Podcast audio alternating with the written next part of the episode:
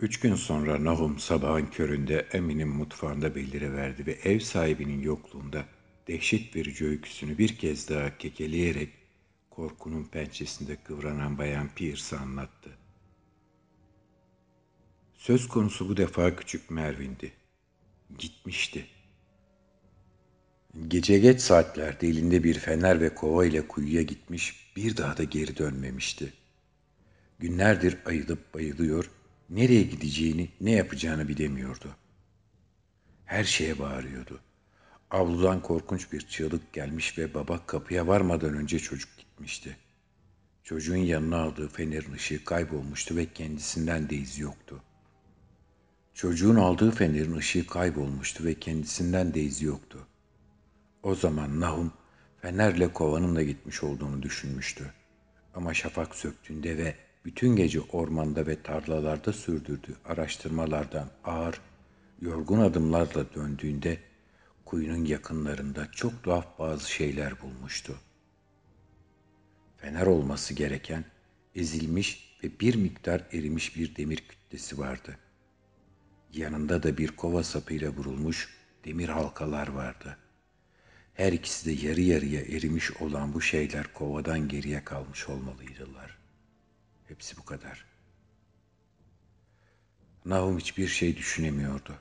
Bayan Pearson kafası bomboştu ve Emmy de eve dönüp öyküyü dinlediğinde hiçbir tahminde bulunamadı. Mervin gitmişti ve Gardner'lardan korkup uzak duran civardaki insanlara bunu anlatmanın yararı yoktu. Her şeye gülen arkamlılara da bunu anlatmanın yararı yoktu. Önce Ted, şimdi de Merin gitmişti. Bir şeyler sessizce sokuluyor, sokuluyordu ve görülmeyi, hissedilmeyi ve iştilmeyi bekliyordu. Nahum da yakında gidecekti.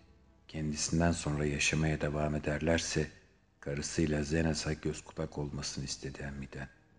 Bütün bunlar bir tür ilahi yazgı olmalıydı. Ama sebebini kestiremiyordu. Çünkü bugüne kadar bildiği kadarıyla hep Tanrı'nın yolunda yürümüştü. Emmi iki haftadan fazla bir süre Nahum'u görmedi. Sonra ne olmuş olabileceğini düşünerek endişeye kapıldı ve korkusunu yenerek Gardner'ın çiftliğini ziyarete gitti. Büyük bacadan duman çıkmıyordu.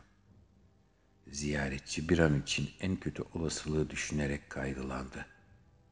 Çiftliğin görünüşü içler acısıydı. Zemin kurumuş, grimtrak otlarla ve yapraklarla kaplıydı.'' Arkaik duvarlardan ve sivri üçgen çatılardan düşmüş asma dalları yerde yatıyordu.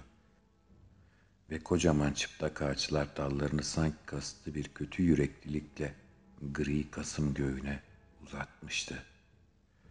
Emme bu hissin dalların eğimindeki çok küçük değişimlerden geldiğini düşünmekten kendini alamadı. Tüm bunlara karşın Nahum hayattaydı.''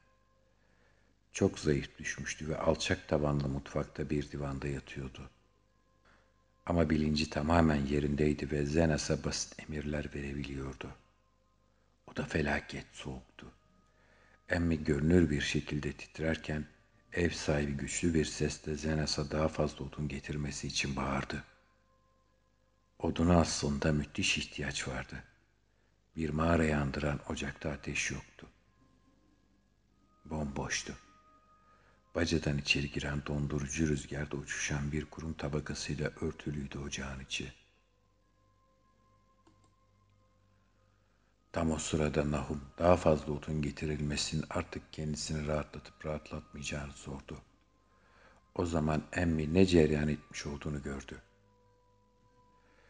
Sonunda gerçekte olan bağ kopmuştu ve bahtsız çiftçinin zihni daha fazla acıya kapalıydı.'' Ortalarda görünmeyen Zenas hakkında sorduğu ustaca sorulardan emme anlaşılır bir bilgiye ulaşamadı. Aklı karışık babanın bütün söylediği kuyuda, o kuyuda yaşıyor oldu. Sonra birden ziyaretçinin aklına delirmiş kadın geldi ve onun hakkında sorular sormaya başladı. Şaşıran zavallı Nahum'un yanıtı, Nebi mi? Nebi'ye ne olmuş ki?'' Buralarda bir yerde oldu ve emmi çok geçmeden kadıncağızı kendisinin gidip araması gerektiğini anladı. Emmi zararsız gevezeyi divanda yatar durumda bırakıp kapının yanındaki çividen anahtarları alarak tavan arasına çıkan gıcırtılı merdivenleri tırmandı.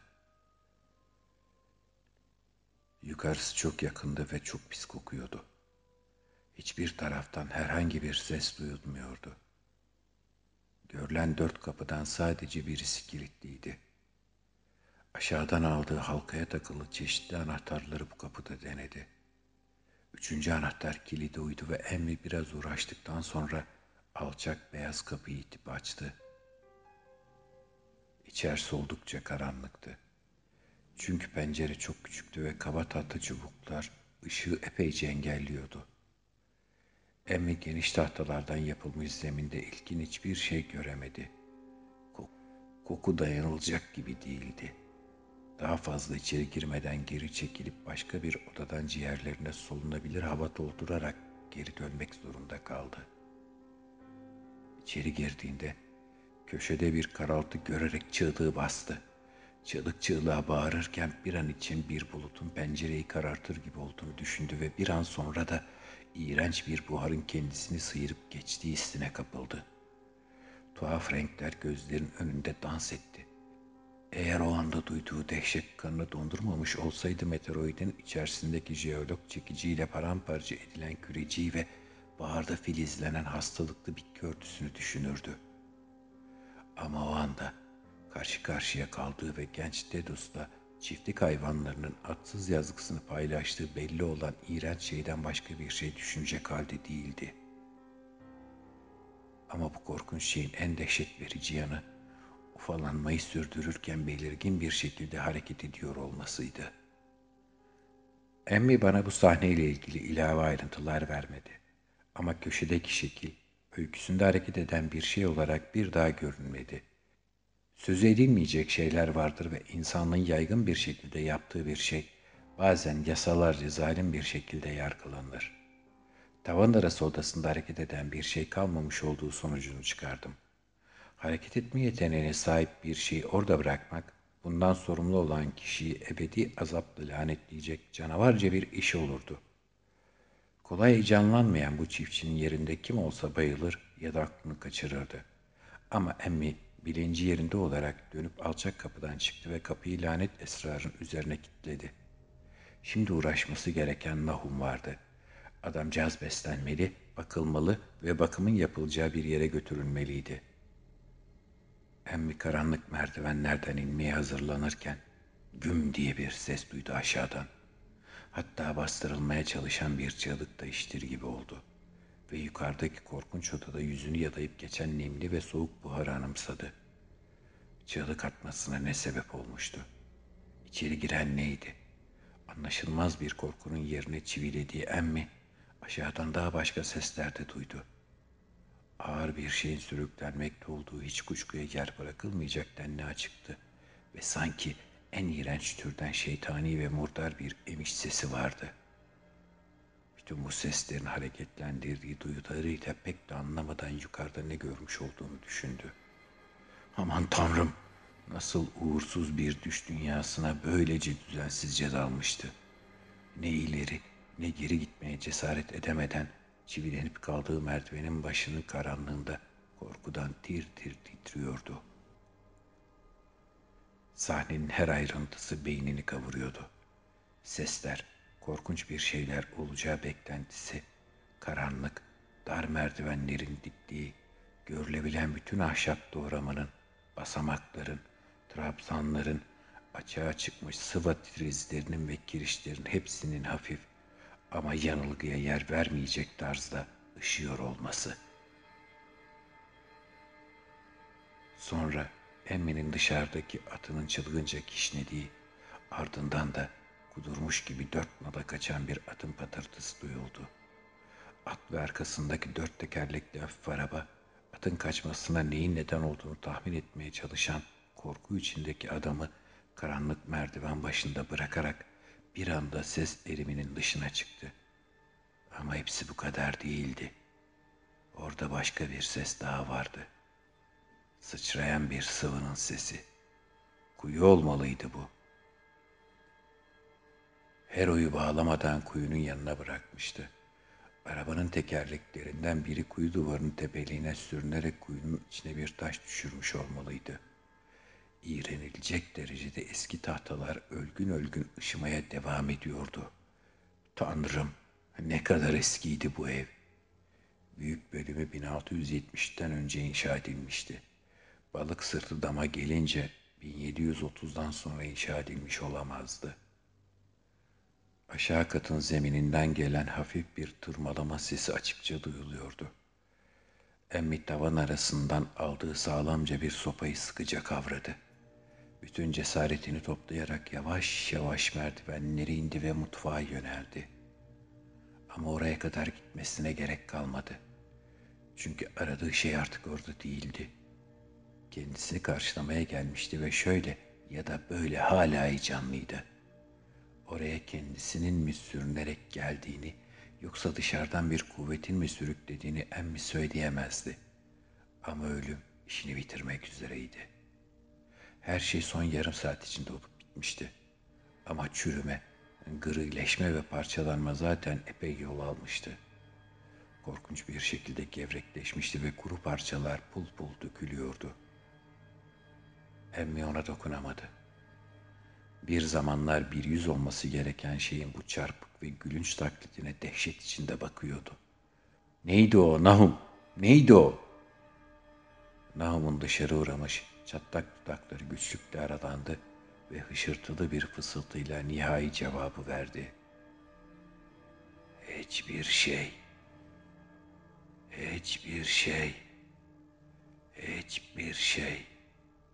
Renk yanıyor. Soğuk ve ıslak.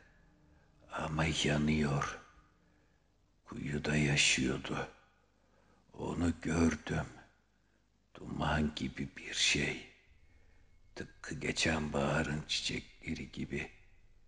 Kuyu geceleri parlıyor. Ted, Merin ve Zenas. Her şey canlı. Her şeydeki hayatı emiyor. Şu taşın içinde, şu taşın içinde gelmiş olmalı. Bütün bunları zehirledi. Ne istediğini bilmiyorum. Üniversiteden gelen adamların taştan kazıyıp çıkardıkları şu yuvarlak şey. Onu parçaladılar. Aynı renkteydi. Tıpkı çiçekler ve bitkiler gibi. Onlardan daha bir sürü olmalı. Tohumlar, tohumlar büyüdüler. Onu ilk defa bu hafta gördüm. Zenası kuvvetle etkilemiş olmalı. Hayat dolu, büyük bir çocuktu. Önce zihninizi darma duman ediyor. Sonra sizi ele geçiriyor. Kuyuda, bu konuda sen haklıydın. Kötü su, Zenas asla kuyudan geri gelmez. Uzaklaşamazsın. Seni çeker. Bir şeylerin gelmekte olduğunu bilirsin ama ne fayda. Zenas götürüldüğünden beri onu tekrar tekrar gördüm. Ne biner de emmi, kafam hiç yerinde değil. Ona son defa yemek verdiğimden bu yana ne kadar zaman oldu bilmiyorum. Dikkatli olmazsak o şey onu ele geçirir. Sadece bir renk. Bazen geceye doğru onun yüzü de o rengi alıyor. Yanıyor ve emiyor. O şey, şeylerin buradaki gibi olmadığı bir yerden geliyor. Profesörlerden biri böyle demişti. Haklıydı. Bak emmi, bir şey daha yapacak.'' Hayatı emiyor. Ama hepsi bu kadardı. Bunları söyleyen şey daha fazla konuşmadı. Çünkü bütünüyle çöktü. Emmi geriye kalan şeyin üzerine kırmızı damalı bir masa örtüsü öttü ve arka kapıdan kendini dışarıya tarlalara attı. Dört dönümlük çayıra çıkan yokuş tırmandı ve kuzey yolunu tutarak ormanın içinde düşe kalka evine doğru yürümeye başladı.'' Atının korkup kaçtığı o kuyunun yanından geçemezdi. Kuyuya pencereden bakmış ve bileziğinden hiçbir taşın eksik olmadığını görmüştü. Öyleyse demek oluyor ki araba hiçbir şeye çarpıp düşürmemişti. Suyun sıçramasının nedeni başka bir şey olmalıydı. Zavallı Nahum'a yapacağını yaptıktan sonra kuyuya giden bir şey. Emmi evine vardığında at ve araba kendisinden çok önce gelerek karısına büyük bir endişeye sevk etmişti. Emmi hiçbir açıklama yapmadan karısını rahatlattıktan sonra derhal arkama doğru yola koyuldu ve yetkililere Gardner ailesinin artık var olmadığını haberini verdi. Hiçbir ayrıntıya girmedi. Sadece Nahum'la Nebin ölmüş olduklarını anlattı. Tedus'un ölümü zaten biliniyordu. Ölüm sebeplerinin çiftlik hayvanlarını kırıp geçiren aynı tuhaf hastalık gibi göründüğünden söz etti. Ayrıca Mervin Nezanas'ın da ortadan kaybolmuş olduğunu söyledi. Polis karakolunda epeyce sorgulandıktan sonra emmi sonunda ön soruşturma memuru, bir tıbbi muayeneci ve hastalanmış hayvanları tedavi etmiş olan veterinerle birlikte üç polis memurunu Gardner çiftliğine götürmeye mecbur bırakıldı. Emmi gitmeyi hiç mi hiç istemiyordu. Çünkü vakit ikindi olmuştu ve o lanetli yerdeyken karanlığın bastırmasından korkuyordu. Ama yanında bu kadar çok adam olması onu biraz rahatlatıyordu. İki atın çektiği dört tekerlekli bir arabaya binen altı kişi, Emmy'nin arabasını takip ederek saat dört civarında salgın hastalığa yakalanmış çiftliğe vardı. Çok korkunç vakalara alışkın görevlilerin hiçbiri tavan arasında ve alt kattaki damalı örtünün altında buldukları şeylere kayıtsız kalamadı. Kasvetli, ıssız çiftliğin genel görünüşü zaten yeterince korkunçtu. Ama ufalanmakta olan bu iki şey bütün sınırları aşıyordu. Kimse bu şeylere uzun süre bakamıyordu. Tıbbi muayeneci bile inceleyecek çok şey kalmamış olduğunu kabul etti. Numuneler elbette analiz edilebilirdi. Bu yüzden tıbbi muayeneci numune almakla meşgul oldu. Sonunda iki küçük şişe dolusu dozun götürüldüğü üniversite laboratuvarında daha sonra çok şaşırtıcı sonuçlar elde edildi. Spektroskop altında her iki numunede bilinmeyen bir tayf verdi. Şaşırtıcı bantların çoğunluğu önceki yıllarda o acayip meteoroidin tayfında görülen bantların tam olarak aynısıydı. Bu tayfı veren özellik bir ay içerisinde yok oldu. Bundan sonra toz esas olarak alkayı fosfatlardan ve karbonatlardan ibaret bir karışımdı. Emmi o zaman ve orada bir şey yapmaya kalkışacaklarını düşünseydi, adamlara kuyudan söz etmezdi. Güneş batmak üzereydi ve Emmi oradan uzaklaşmaya can atıyordu. Büyük çıkrığın yanındaki taştan kuyu bileziğine sinirli bir şekilde göz atmaktan kendini alamıyordu. Dedektiflerden birisi sorduğunda da Nahum'un kuyudaki bir şeyden korktuğunu hem de Mervin ya da Zenas kaybolduğundan bile gidip oraya bakmayı düşünemeyecek kadar çok korktuğunu kabul etti. Bundan sonra adamlar kuyunun suyunu boşaltıp derhal incelemeye başlamaktan bir şey yapamazlardı. Böylece kova kova pis kokulu su çekilip avlunun iyice su emmiş zeminine boca edilirken emmi korkudan titreyerek beklemek zorunda kaldı.'' Adamlar sıvıyı tiksintiyle kokladılar ve sonuna doğru ortaya çıkan pis koku yüzünden burunlarını kapamak zorunda kaldılar. İş korktukları kadar uzun sürmeyecekti. Zira su seviyesi hayret edilecek denli düşüktü. Buldukları şeyden kesin olarak söz etmenin gereği yoktu. Kalıntıları esas olarak iskelet olmakla birlikte Mervin ve Zenas'ın her ikisi de kısmen oradaydı. Ayrıca Hemen hemen aynı durumda küçük bir geyik, iri bir köpek ve çok sayıda daha küçük hayvanın kemikleri vardı. Kuyunun dibindeki sul, çamur ve balçık sebebi açıklanamaz bir şekilde gözenekliydi ve fokur fokur kaynamaktaydı. Eline bir sırık alarak tutamaçlar yardımıyla aşağı inen birisi, sırığı katı bir engelle karşılaşmaksızın istediği kadar derine batırabildiğini gördü.'' Şimdi alaca karanlık çökmüş, evden fenerler getirilmişti. O zaman Kuyudan daha fazla bilgi elde edilemeyeceği görüldüğünden herkes geri çekildi. Ve zaman zaman bulutlardan sıyrılan hayaletimsi bir yarım ay dışarının kasvetli ıssızlığını soluk bir ışıkla aydınlatırken eski oturma odasında oturup görüştüler. Adamlar bütün bu olup bitenlere cidden şaşırmışlardı ve bitki örtüsünün tuhaf durumuyla çiftlik hayvanlarına ve insanlara musallat olan bilinmeyen hastalık ve Mervin'le Zenas'ın pis kokulu kuyu içindeki açıklanamaz ölümleri arasında hiçbir ikna edici ortak unsur bulamıyorlardı. Kırsal alanda dolaşan söylentileri duymuş oldukları doğruydu. Ama doğal yasalara aykırı herhangi bir şeyin olabileceğine inanmıyorlardı. Meteoritin toprağı zehirlemiş olduğuna kuşku yoktu. Ama bu topraklarda yetişmiş hiçbir şey yemeyen insanların ve hayvanların hastalığı bambaşka bir şeydi. Kuyu suyu muydu bunun nedeni? Büyük bir olasılıkla. Suyun analizini yaptırmak iyi bir fikir olabilirdi.